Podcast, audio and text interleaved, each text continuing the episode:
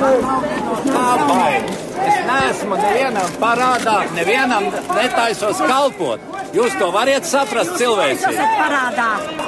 Bet tādā veidā jau man jau nav grūti aiziet. Skandējot frāzes par oligarhu ielikteni un rādot sarkano kartīti, 2011. gada 2. jūnijā tauta pie saimnes nama sagaidīja jauno valsts prezidentu Andri Bērziņu.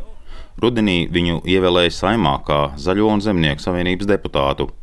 Bērziņš pats sevi izvirzīja prezidenta amatam. Viņš saņēma 53 deputātu balsis. Par Latvijas valsts prezidentu ievēlēts Andris Bērziņš. Apsveicam! Saimnes vārdā apsveic jaunievēlēto valsts prezidentu. Seko preses konferenci, jau pašā sākumā Andris Bērziņš atzīst, ka viņa prāt viņš ir godam nopelnījis kļūt par Latvijas valsts prezidentu.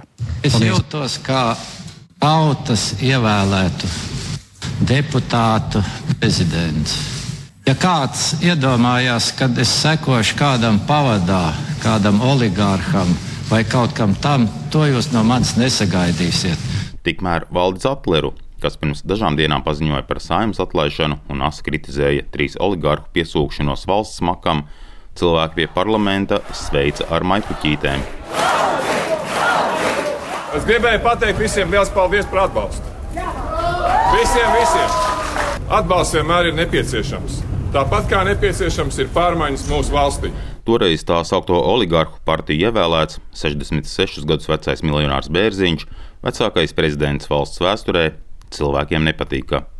Mediji bija atraduši faktus par aizdomīgi iegūtiem īpašumiem, daļai nebija saprotams, kā Bērziņš kļuvis par turīgāko pensionāru ar lielāko pensiju valstī.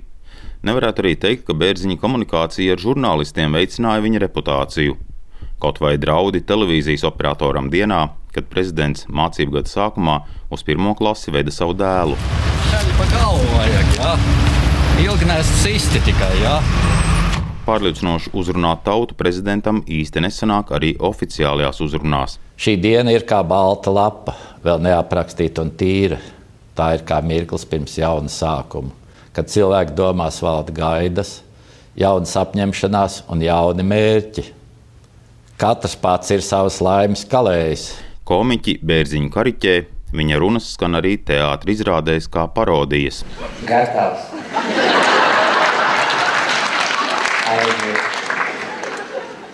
Jaunā gadā atkal prasa.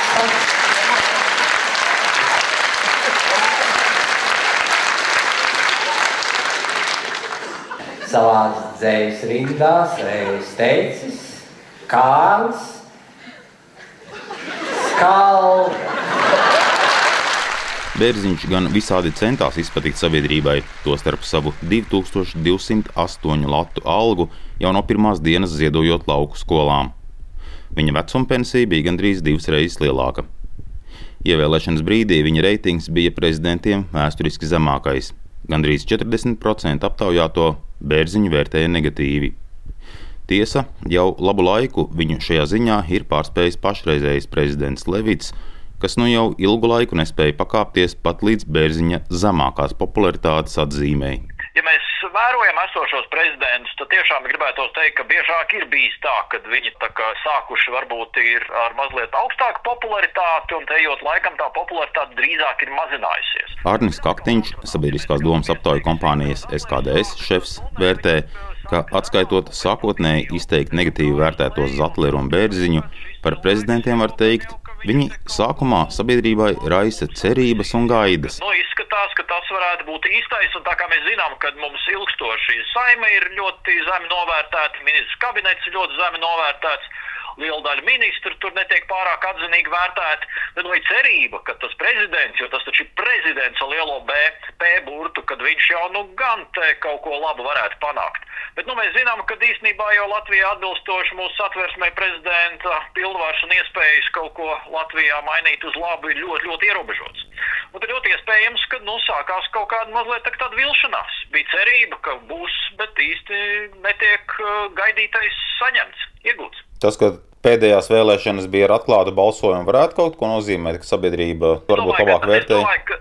Es domāju, ka tam nav nekādas nozīmes šeit. Tā bija tur tāda politiķa, tur vārās savā sulā un tur risina savas iekšējās problēmas. Prezidents Bērziņš jau visai saulaicīgi saprata savas nākotnes izredzes un paziņoja, ka atkārtot uz prezidenta krēslu nekandidēs. Viņš atgriezās savā politiskajā spēkā un pēc pāris gadiem no Zaļo un Zemnieku savienības cerēja iekļūt Rīgas domē, taču ārpus Rācinama palika ar visu sarakstu.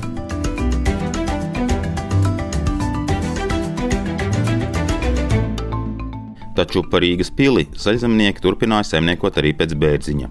2015. gada 3. jūnijā 12. saima par valsts prezidentu ievēlēja ilgadējo vides, vēlāk arī reģionālās attīstības un visbeidzot aizsardzības ministru Raimondu Vējoni.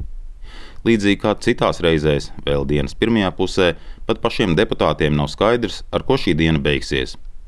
Vēl šajā reizē prezidentu vēlē aizklāti. No kārtas uz kārtu pie prezidenta netiekam.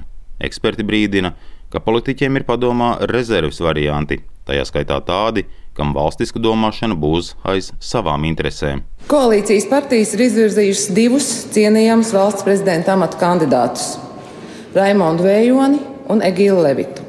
Mēs esam nemainīgi iestājušies par atklātu valsts prezidenta ievēlēšanu. Tāpēc es gribu cerēt, ka aizklāto balsojumu neviens neizmantos, lai teiktu vienu, bet rīkotos citādi. Nacionālās apvienības un vienotības virzītais Eiropas Savienības tiesas tiesnesis Egils Levits izkrīt 4. balsojuma kārtā, kur par viņu ir tikai 26 saimnes deputāti. Vējoni ar 55 balsīm ievēlē 5. balsojumā. Par valsts prezidentu saimā šodien ievēlēts aizsardzības ministrs Raimons Vējonis. Iznākam no parlamenta viņu sagaidīja daži desmit iedzīvotāji. Viņu vidū lielākoties vīlušies Egila Levita atbalstītāji. Vārds jaunievēlētajam valsts prezidentam Raimondam Vējonim. Laikam no sākuma jāierauj. Vējoņa laiks iezīmējas ar stiprinātām mūsu valsts drošības spējām, jo finansējums aizsardzībai tika audzēts līdz 2% no iekšzemes koprodukta. Prezidenta kancelēs interneta lapā kā otrais veikums minēta tiesiskuma stiprināšana, jo Vējons iestājies pret pēdējā mirkļa likuma pieņemšanu. Otrreizēji caurlūkošanai saimai Vējonis atdeva 13 likumus. Kaut arī ar dažādām reformām muļājamies gadu desmitiem, Vējonim tiek piedāvāta arī izglītības jomas pilnveide. Prezidentūras vidū viņš arī dienas gaismā izcēla diskusiju par tautas vēlētu prezidentu. Valsts prezidentam būtu piešķiramas pilnvaras izsludināt saimas ārkārtas vēlēšanas, nevis tikai ierosināt tautas nobalsošanu par saimas atlaišanu. Šāds valsts prezidenta pilnvaru papildinājums prasa, lai valsts prezidentu ievēlētu visas tautas tiešās vēlēšanās. Vējonis ikgadējā uzrunā pirms Jāņiem kritizēja saimu par sabiedrības ilgi gaidītām, bet nepieņemtām reformām. Tāpat viņš pieteica un pāris gadu vēlāk, pēc ilgākas cīkstēšanās ar parlamentu, panāca, ka Latvijā dzimušajiem bērniem tiek izbeigta nepilsoņu statusa piešķiršana. Ideja par tautas vēlētu prezidentu gan palika neīstenota, bet vismaz līdz atklātībai balsojumā par prezidentu saima tika. Šī ir sava veida atriebība par to, ka netika ievēlēts Levita kungs. Ak, jūs neievēlējāt Levita kungu! Mēs jums iedosim atklāto balsojumu. Nākamreiz mēs jūs kontrolēsim, mēs skatīsimies cauri, ko jūs esat nobalsojuši. Un, ja kāds no jums balsos pret Levita kunga, Kad 12. saima emocionāli pārsātinātā pēdējā sēdē pirms nākamā parlamenta vēlēšanām nolēma, ka turpmāk valsts prezidentu izvēlēsies ar atklātu balsojumu, šī lēmuma bez emociju pamatmērķis bija nodrošināt caurskatāmību, lai veicinātu sabiedrības lielāku uzticēšanos saimai. vai patiešām uzticamies savai tautai, iedodam iespēju viņai ievēlēt prezidentu, ar ko viņi lepojās. Un lai viņi jūt, ka viņi paši šo izvēli ir izdarījuši. Nevis mūsu vaino, ka mēs esam ne to ievēlējuši. Paziņojot par apstāšanos pie pirmā termiņa, Vējonis darbu beidza ar 20% sabiedrības atbalstu.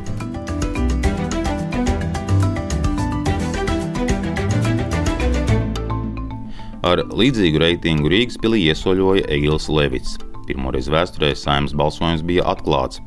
Levitu virzīja koalīcija un ievēlēja pirmajā balsojumā, krietni atpaliekot ZZS atbalstītiem tiesību sargam Jurim Jansonam un skandalozās KPVLV pārstāvim Didzim Šmitam. Es būšu visas Latvijas tautas prezidents.